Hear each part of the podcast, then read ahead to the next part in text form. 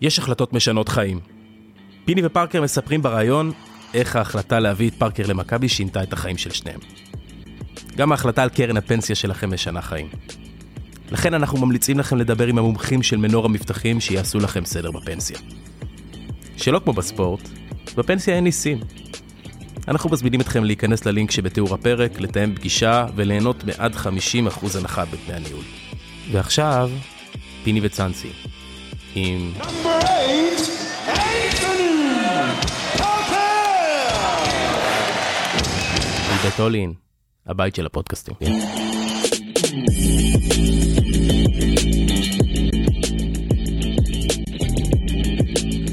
Where do you find you?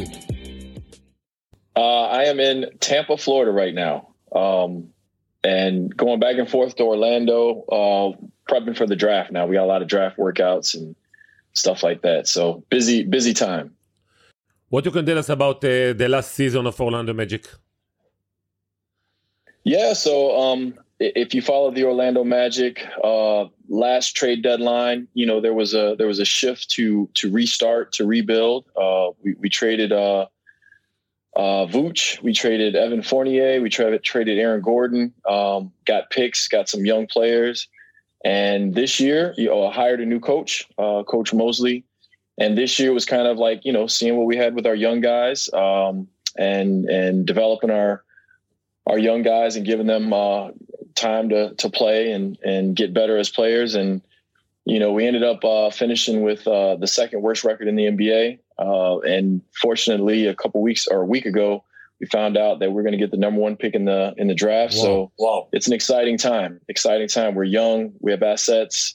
And we feel like we have a good uh, foundation of young players to build from. Have you decided about uh, first draft choice?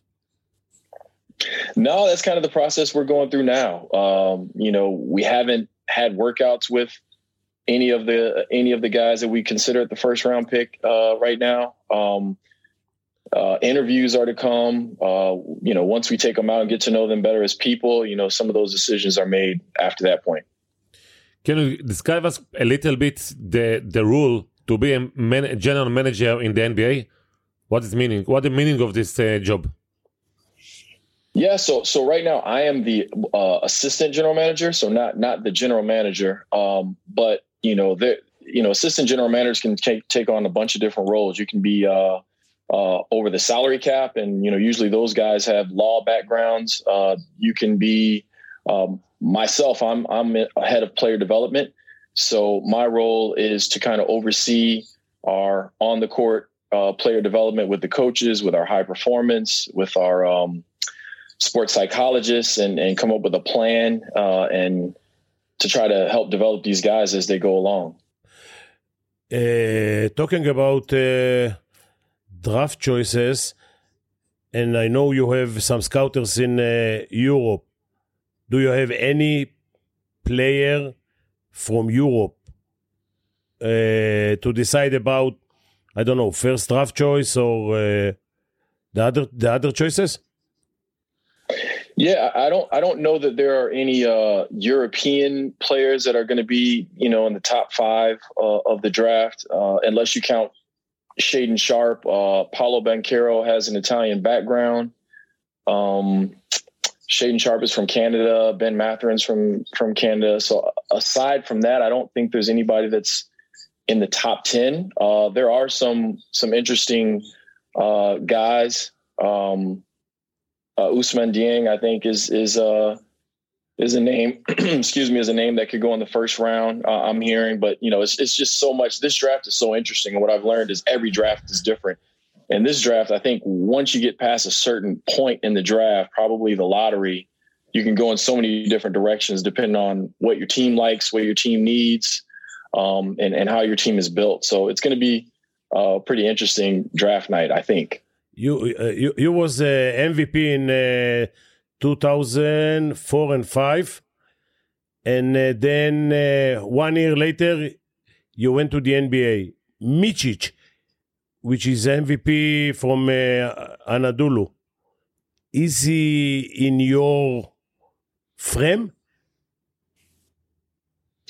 Yeah, I have to be honest. I have not seen a ton. I'm embarrassed to say I've not seen a ton of European, high level European basketball. My European uh, scouts are more targeted, so you know they'll be more focused on on individual players.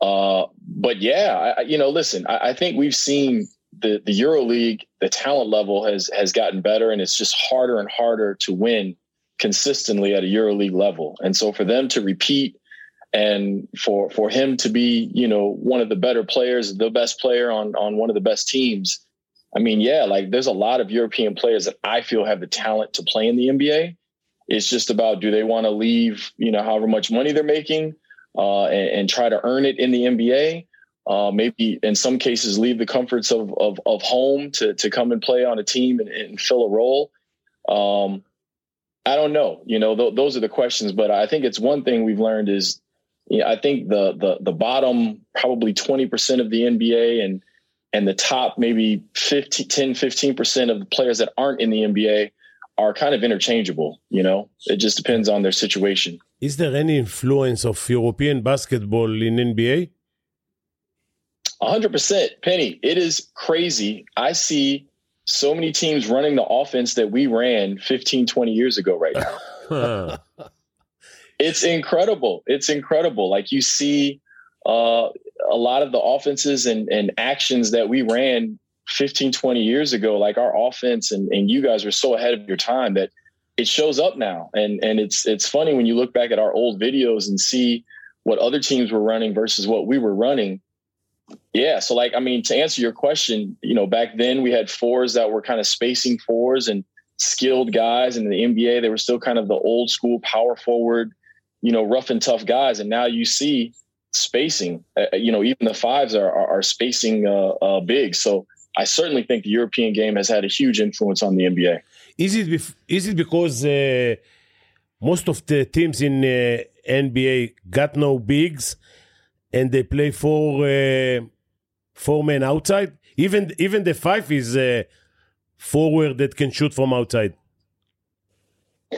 Yeah, no, I think um, you know when when the NBA started trying to go small ball, right? Everybody called it small ball, mm-hmm, and, mm-hmm, and I think mm-hmm. the the, mis- the mistake that most people make is it, it wasn't small ball, it was skilled ball, and and just back then, most of the players that were skilled were were, were smaller players, and and I think now you're starting to see these this generation of players that that were coming up in the system that we are now and are no longer from a young age told stay under the basket, score under the basket. They're encouraged to play away from the basket.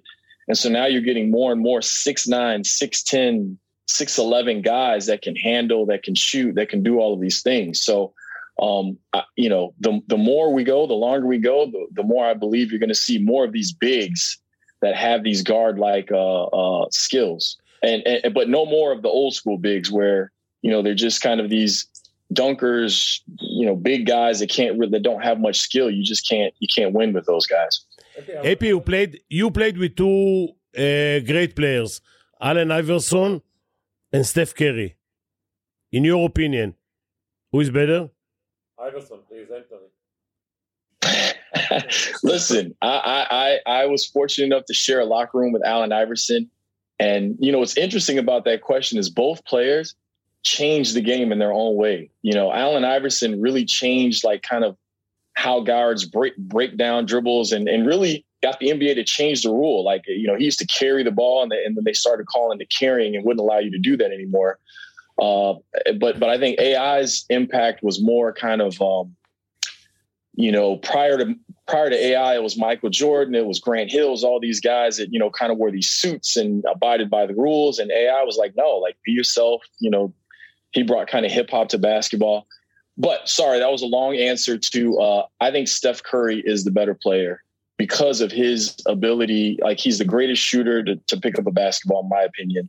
And and you know, you see the same influence that you see AI had on on the culture when guys are trying to cross over and carry the ball. Like you see a lot of Steph Curry's guys pulling from half court now that probably have no business doing it. But but uh, but they're shooting, and, and and you see this generation of players with this uh, shot versatility that we haven't seen before. So if I had to answer one, I'd, I'd say uh, Steph Curry.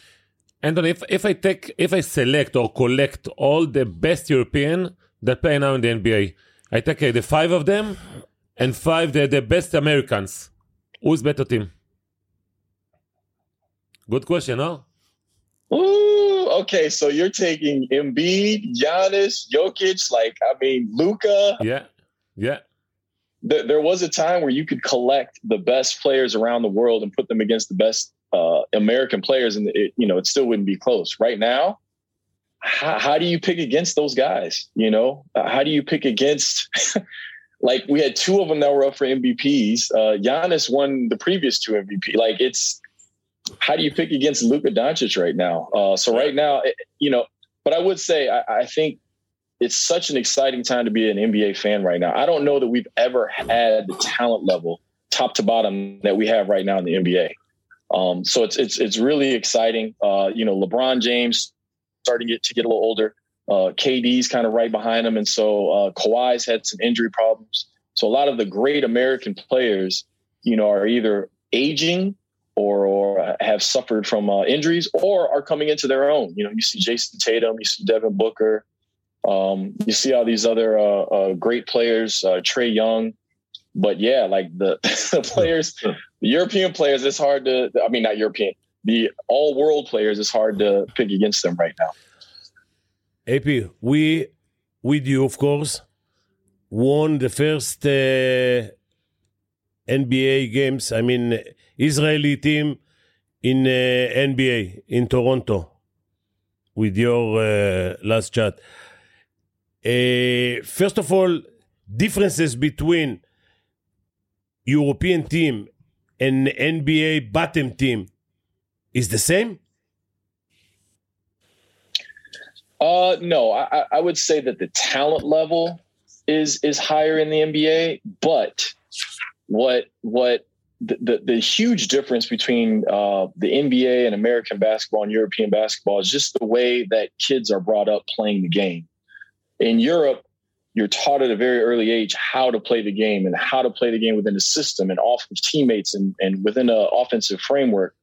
And here, uh, it's more around the individual and his ability to go make something happen with the ball. And so I think you see a lot of times when the NBA teams play the European teams, uh, especially the, the the not very good NBA teams, they're comprised of a lot of young players that are still learning how to play the game, uh, especially at the NBA level and, and even the European level. And you have usually the top European teams that are experienced players and at the top of their game and know how to play. And you know, a lot of times when they meet in a game, uh, the NBA team hasn't had much training camp, and and that European team has usually been playing for for a couple weeks or a month. And you know those, uh, you know the European teams. It's not a surprise when they win. Okay, sh- shortly you say tactically we better. yeah, well, but still, keep in mind, Penny. Like when we play, when we played Toronto, when we played Toronto, I believe it was what September. Was it September? Something like that. Before, Before the se- season? Before the season start. Right, and, and- but we had been practicing for like a month, and Okay. they had Okay. had like a, a week or whatever training camp. But I say all that to say, like, yeah, that was not a fluke. I, I do believe because Chris Bosh was very young. They didn't have very, you know, they didn't have very many experienced players, and and I don't think that you know that that that was a fluke. But we go and play the Orlando Magic that has Dwight Howard, Grant Hill, Turkoglu, like a little bit more experienced players, and it's a little little tougher. But you know that uh, this shot, like uh, Penny said in Toronto, will take you to the NBA? Did I think the shot would take me to the NBA? Yeah. No, no. no, my, not, not in this period. He, he took some shots before. Listen, to be to be completely honest, uh, the the year before I had my best year as a basketball player. You know, the, year before we won it in Moscow, my best season by far as a basketball player. And so I was like, if the NBA didn't happen then, you know, it wasn't going to happen for me. I, I was just focused on coming back to Maccabi and playing and seeing what happened uh, the, the, the next year. It wasn't uh, trying to get to the NBA. It was exciting to play against the NBA players and to kind of see where I stacked up. But the goal wasn't to, you know, prove that I could jump back to the NBA. AP, you played uh, Jose Calderon in Toronto. Did you talk about the final that we beat them? I still to this day talk about the final we beat them. Uh, yeah, and, and and also on that team, Penny Carlos Delfino came a little later, so we talked Uh-huh. that, The that 44 points. yeah the forty four one. Tell me, Epi, when, when you sign in uh, Maccabi Tel Aviv in the first time, um, you know what are you getting new, uh, into? no, You don't understand it is. Uh, no, there's no way that anyone could explain to me what Maccabi meant uh, to Israel and, and what Maccabi basketball was in Europe. I had a friend of mine that played overseas, and I called him just to kind of see. He played in Germany in the lower level, and I was like, you know, asking him about Maccabi, um, and you know, he he gave me a little, oh, they're a good team, you know, just kind of that kind of thing. But I didn't know what the city was like. I didn't know what the fans were like. I didn't know anything about, you know, what was required in terms of the level of European basketball. I had no idea. עצירה קטנה לפרסומת. בהמשך אתם תשמעו איך אם פיני לא היה מחליט להביא את אנטוני, הוא היה ישן בתחנה המרכזית באוהל. יש החלטות משנות חיים. הפנסיה שלכם זאת החלטה כזאת. בוחרים במומחים של מנור המבטחים שיקחו יחד איתכם את החיסכון לפנסיה למקסימום.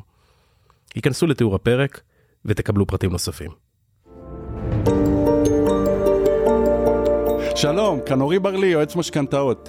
את המשכנתה של אנטוני פארקר לא עשיתי, אבל לאלפי אנשים כבר עזרתי בהשגת מימון לבית משלהם. אני מזמין אתכם להתקשר עכשיו. חפשו בפייסבוק, באינסטגרם, אורי בר-לי, ייעוץ משכנתאות. או כנסו לתיאור הפרק, יש שם את הפרטים שאתם צריכים כדי להגיע למפתח לבית משלכם. פרובן טיפות, סוף הדרך. עומד בתקנים מחמירים והוכח קלינית כיעיל לחיסול פטרת הציפורניים. להשיג באתר פרובן ברשת יוליה ובמשלוח מהיר עד הבית. Take us for the first time that you came to Maccabi Tel Aviv, you, uh, Ariel McDonald with you. What made this uh, team so special? AP.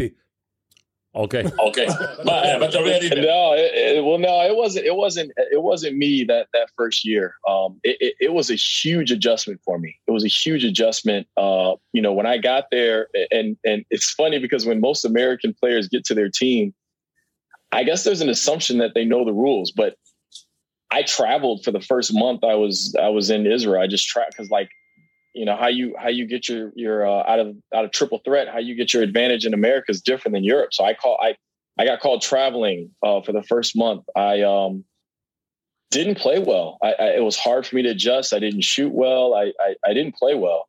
Um, but but we had a team that was experienced that was coming back from the finals the previous year, and I, I- I knew uh, you know that I was replacing Doron Sheffer and and how big of shoes that that was. Uh, and so that first year, I just tried to do whatever I, the team needed me to do. Like you know, most nights it wasn't scoring. We had Nate Huffman, we had Ariel McDonald, uh, Nadav was uh, amazing on both ends, and so I just tried to learn from from those guys. And and uh, towards the end of the year, started to pick it up and start to catch on. Did you know that time that after two, three months we want to cut you? I, I knew, I know, I know. After I didn't know then, I knew after. the next question uh, I- I want to ask is if you if this if you knew and if it made you better.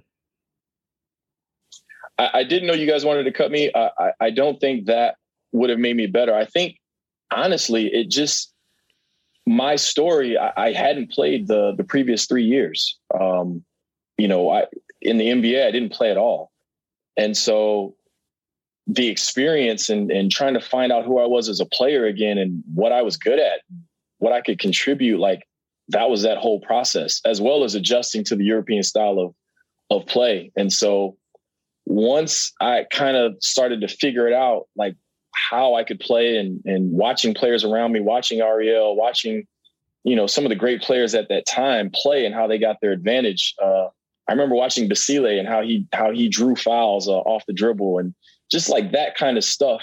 I started to pick up and and and was able to incorporate into my game. AP, I must say, if I'm not making this decision, I live in a tent in the central station. You and me, you and me both, Penny. I'd be right next to you in the tent.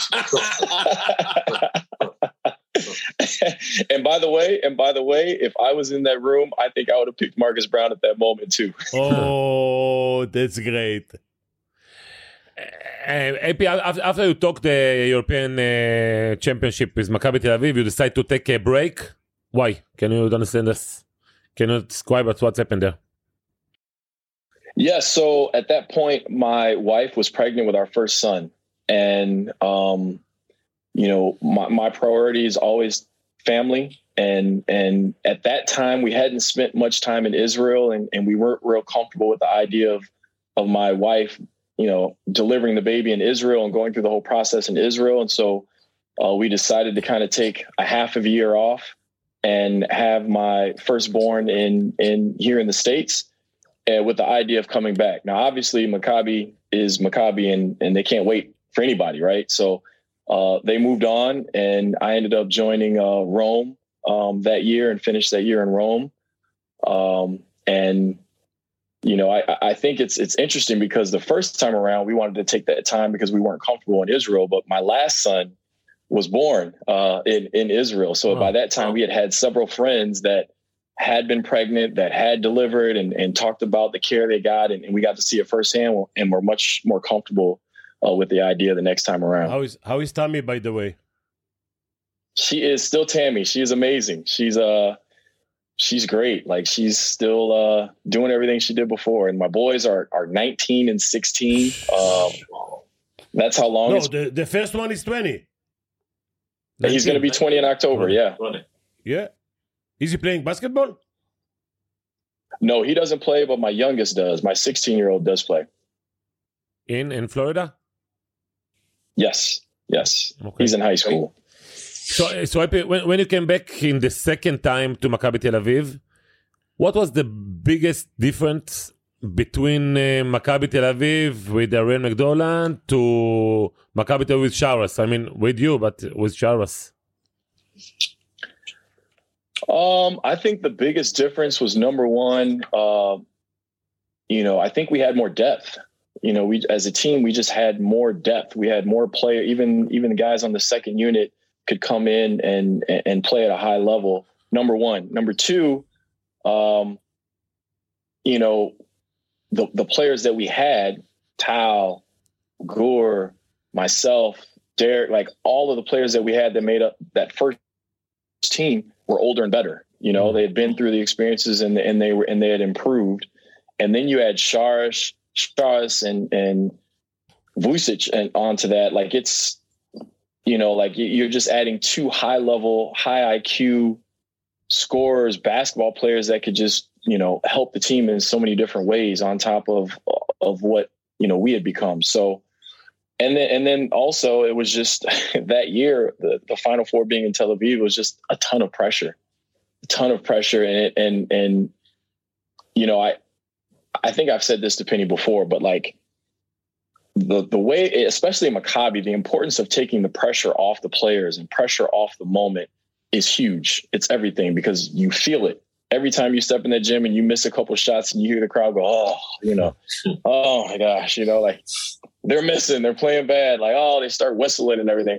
So, uh, you know, having someone to take the pressure off of you and take your focus off the pressure and onto just what you need to do was the most important thing, especially that year. And and Penny was the greatest at, at that. You know, like I, I think there's nobody better. The way he would do his pregame speeches, um, halftime practices, even before the game when we're getting ready, and you kind of kind of see him jumping on the sideline, getting ready and waving to the crowd. So like you just like, oh, okay, it's just another game. You know, let's go out here and do what we do. You know, and that that year, I- I don't. I mean, the pressure and and you know, ultimately it came down to Derrick Sharp, Sharp hitting a miracle shot, and you know, maybe maybe I, I'm not sitting here if he doesn't hit that shot. Maybe that team goes a different way if he Not doesn't. hit me and not you. Hey, exactly. Just, just but uh, exactly, you'd be talking to yourself right now. But yeah.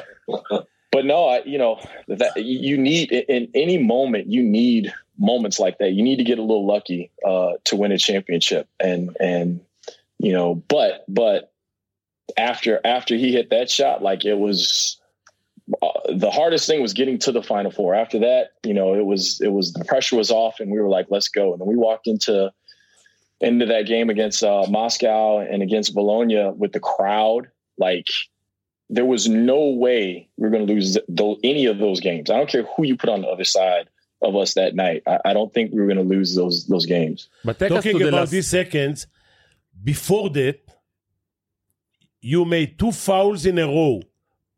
You had three fouls. Story is that you asked Derrick to make the foul, and Derrick said, "I have four fouls." So you made the fifth one. Yeah. So what happened was, for whatever reason, I knew Derrick had four fouls. I had no idea how many fouls I had. so, so I said, I said, "Hey, Derrick, listen, I'm gonna foul so you can stay in the game." He said, "All right." And then I fouled, and if you watch the video, you see me look up like, "What?" Like I fouled out, you know, and like the amount of things that had to go right for that last whatever to happen like was incredible even at the free throw line with with uh Nico boxing out and he and he told the the ref that you know Yeah, Tanaka yeah. was was going in early This is this is a nice story, but I'm looking hundred times, and he never talked to the referee. But but the story is nice. I, I thought he did I thought I saw him point like uh, Okay. at the okay all right well we'll just keep the same story we'll keep the same story it's been 20 years let's just keep telling it but Yeah. no it, it it was it was truly a miracle truly like like I don't think No doubt. No we doubt. celebrate we haven't celebrated a championship the way we celebrated that night getting to the final four like that was the biggest celebration that i had being a part of maccabi was was getting to the final four that night And even in your career, for example, it's the biggest uh, win in your career? 100% Oh, yeah.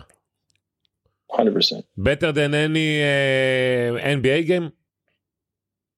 yeah because without that game i, I just don't know where everybody ends up the next year you know dynasty.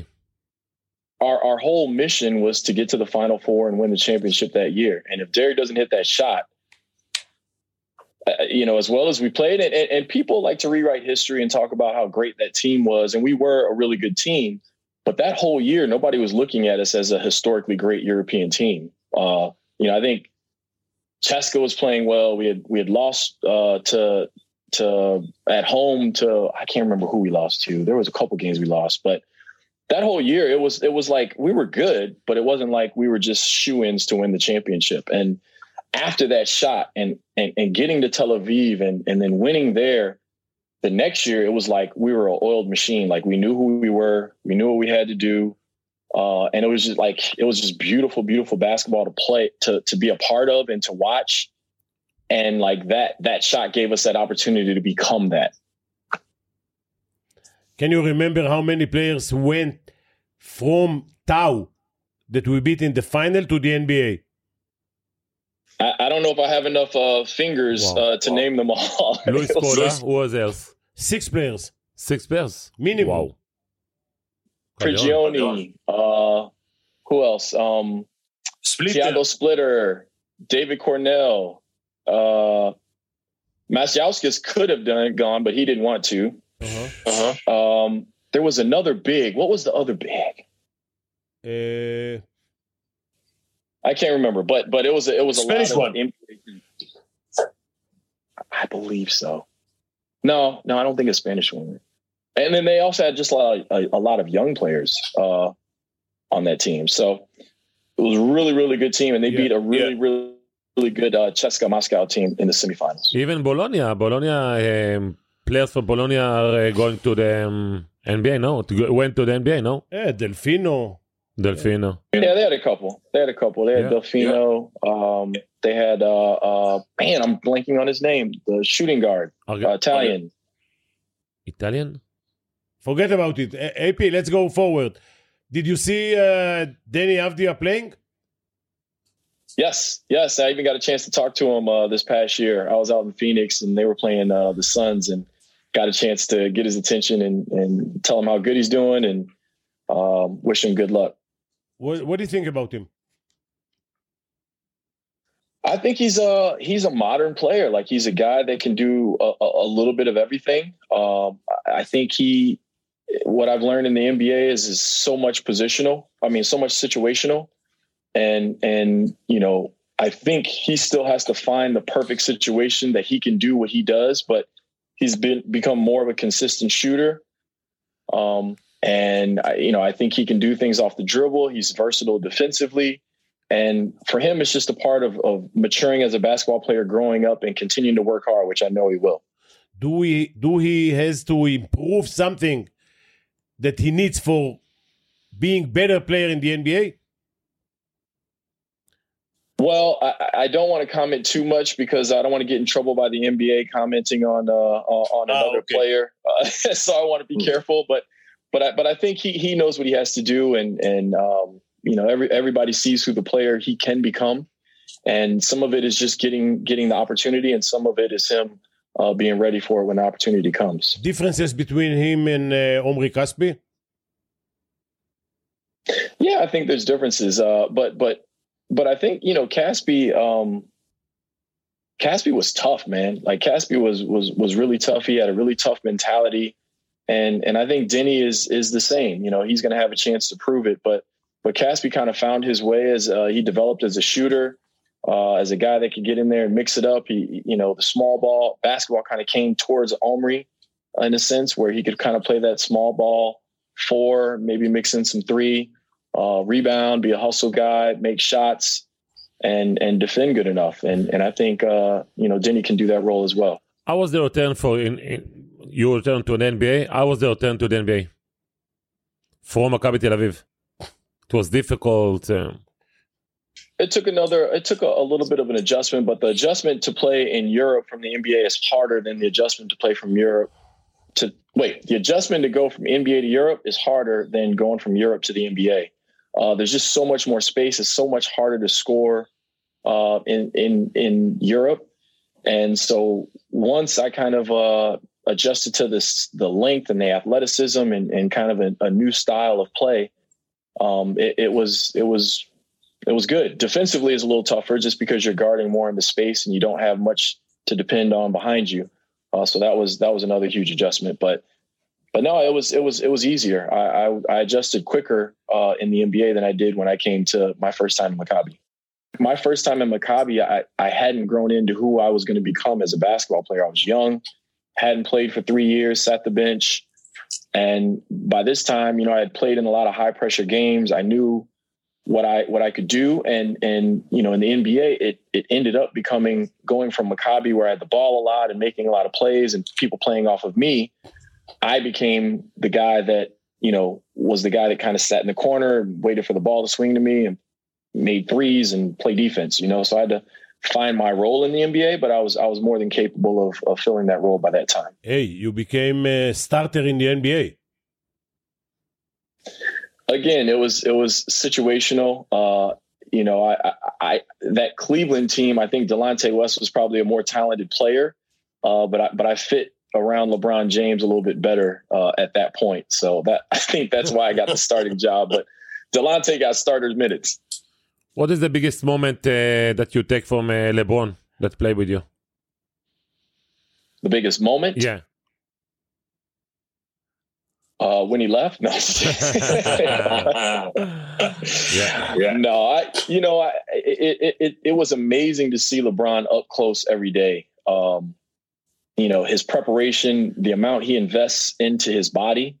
Uh, you know, people are amazed that he's still able to do the things that he's able to do at his age. I'm not, because at that point, you know, he had a private chef and ate really well. He took care of his body all year round. Um, he was never out of shape. Uh, he had a personal guy that traveled with him everywhere he went, and they did workouts, and he and he just really cared for his body at, at a high level. And then he's just a freak of nature to start. Like he would come in practice sometimes and just, I don't know what he ate the night before or what what well, how much energy he had, but he would just be all over the place. You know, he'd be talking. AP. and- Listen, uh, did he talk to you? Because uh, once I asked David to ask him something, and he said, "Do you think he's talking to me?" So, to the coach, he's not talking. Is he talking to players? Well, he he I, I couldn't control a lot of things It's because I wasn't the coach, so he had no problems talking to me. I see. Uh, talking about coaching, have you ever think about coaching? I thought about it uh, towards the middle to end of my basketball career because obviously the most natural thing for a player to do is go to coaching because they see what it looks like.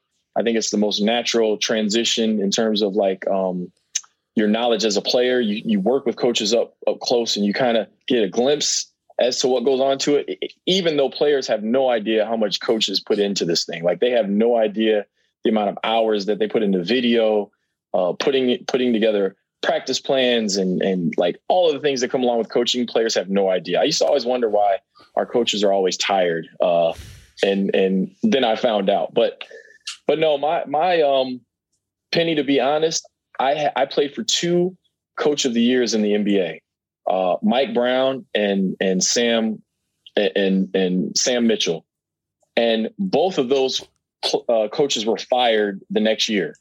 Wow. And wow. so I was like, you know what? I don't know if I want to do this coaching thing because like right, there's right. not there's not much security in it. And and I had friends that were in front offices and, and I picked their brains about what went into to the front office and scouting and all of those things. And and to me that was I, I was just more drawn to that side of things more so than coaching. Okay, so after your uh, experience in the NBA, Maccabi is going to come to you and tell you to be GM of the club. Are you coming? Uh, you know, it's always hard to tell Maccabi no, but but I'll, I'll, never say no to anything. You never know what can happen, and, and, and you never know where life takes you. And I, I would never say no uh, to anything. But but right now, I can say I'm I'm I'm really happy where I'm at. Uh, my kids are, you know, after being a player, you move around so much. We lived in Rome, and Tel Aviv, and Toronto, and Cleveland, and every three years moving. And so it's nice to kind of settle down, and, and my kids have friends and all of the things that come along with um, uh, living in, in a place for a long time outside of basketball. And so uh, right now, we're just happy happy doing that. You're in touch with uh, Nikola Vujcic, by the way. Of course, of course. Right. That we're, you know, it, it's that's what's special about that group of of players and that team is we're still in touch. You know, we're still I'm still in touch with Shars. I'm still in touch with Ariel. Oh. Still in touch with uh, you know Tal with, with all the guys from that team. Derrick Sharp. Um, so we all stay in touch, and it's you know that's kind of something special that a championship and those battles will will, will do to you. You never you know you always have that in, in common, and, and you you know like we've grown up together. Like we we came into this. A lot of us either were getting married or had just been married, and now we all have families. And I've seen all of my teammates' kids being born, and and uh, all of our kids around the same age. Coincidentally, uh, 10 months after that Moscow Final Four for some reason. for some reason, I don't know why, but but yeah, no, it's a special time, special team, and and uh, and we still are in touch today. You think that it's possible that Maccabi Tel Aviv will come back again to be one of the top uh, clubs in uh, Europe? I mean, one of the top uh, to be in the final. EuroLeague, I mean. Yeah, hundred percent. I mean, what was it like eight years ago that they won the last eight yeah. championship? So uh, you know it, I, I, understand that eight years feels like a long time in maccabi uh, but but it is not an easy thing to do and a lot of things have to go right. I mean we talked about a lot of people wanting to bring a different player than me to the to the team and and even when i got to the team you know i wasn't playing well and there was talk of like moving on to another player. Um you know players have to play together for for a long period of time you know like there's a lot of things you have to let coaches go through maybe a downtime instead of, of, of firing them. You know, like chemistry and, and trust and all those things aren't developed in a month or two. And, and so, you know, what's required to, to, to win, uh, it, it's, it's, it's hard. It's, it's hard to hit that bullseye all the time. And, and so, but, but I, but I believe Maccabi with the support they have, uh, and how popular a club it is that it's just a matter of time before it comes back do you see Shara's uh, games? I mean, Barcelona games? Or you talk to him about coaching? Uh, I haven't seen very much. I, I know how well they did this year. Um, so I follow loosely. You know, I know they won the cup. I know they lost in the semifinals to to Madrid. Um, but I know he's doing really well as a coach. You know, he's had success at Žalgiris, he's had success at uh, in Barca so far, and you know th- that's that's not a surprise. It's not a surprise given how smart of a player he is, and and um, you know his his uh, passion that he's always had for the game. Toughest moment in Maccabi? Toughest moment? Yeah. Toughest moment in Maccabi was losing that last game to Moscow in Prague. Like Mhm. that's the game that I think about. Like the opportunity to win to win three in a row uh, had only been done once prior, and to get all the way back to that game, and I didn't play well, and you know, and the crazy thing is, this is the crazy thing. I remember coming into the locker room, like, you know, you, if you lose a Maccabi, it's never good. Like nobody's like, oh, keep your head up, maybe next time. No, it's a bad thing when you lose a Maccabi. And I remember going to the locker room, and Shimon was like, hey, can't win them all. Keep your head up. I was like, what? AP, if we played this game two weeks, we wouldn't win. It was a great team. AP, uh, you, you saw the development, like uh, Pini said, of the European players. What about the coaches? Even, for example, David Blatt, he go to, until the, the finals and does not continue. It's not respect for the European coaches in the NBA.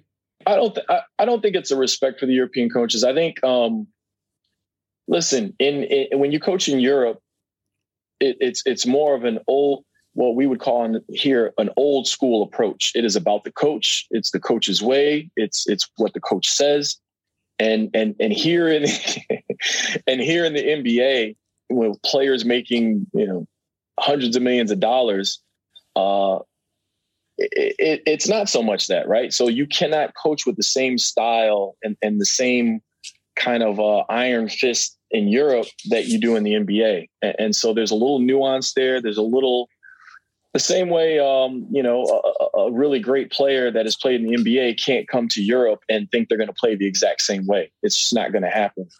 And so, but but I do believe there there is a, a coach that will have success. But listen, we can't look at the the coaches and say, oh well, you know, they didn't they didn't have a long career there. And very few coaches have long careers here. You know, there's there's so much turnover in the NBA as coaches as well. So again, it's a it's about landing in the right situation at the right time, and it's high stakes. And if you you know you look at Frank Vogel, he won the championship two years ago, and and now he he's lost his job, and so uh, it's just the business. Uh, you're hired to be fired. We all know this when we when we take You the job. hired to be fired. You're hired to be fired, Pini. That's that's what they tell us. So uh, so you know, day's gonna come for all of us. But maybe it surprised you that David Blatt is not continuing the NBA even when he go to the went to the finals. Yeah, but I, but I think um, you know if, if you hear the soap opera that is the NBA, uh, it, it's it's not a surprise. Again, you look at Frank Vogel, you look at you know some of these situations where uh, we believe coaches should have gotten a, a, fair shake and, and should have gotten a better uh, a better opportunity. And there's just every year there's one instance where it, it doesn't make sense, and we know it's not the coach's fault. Um, you know, this year with Steve Nash, you know that could have very easily have been a similar situation, right? Uh, but but it's just it's just the business. It's just the business, and and so um, it, it doesn't mean that there's anything wrong with with European coaches or, or their ability to coach or see the game. It just means that whoever the next European coach is that that makes the jump to the NBA has to land in the right situation and, and, and be there at the right time. Must be a fan of LeBron. AP, I love you. Happy thank you, um, thank you very much about your uh, time with us. We miss you. And for me, by the way, uh, you are the biggest one in uh, Maccabi Tel Aviv. Thank you so much. It means so much. Pini, I love you. It's always so good to see you. I don't know how you don't change. You look exactly like the first time I stepped off the plane and saw you in 2001. I look the same, you look younger. he, he looks better. Uh, thank you guys so much for your time. I really appreciate it. Thank This you. a lot of fun. Thank you. I thank you very much. Bye bye. Bye bye.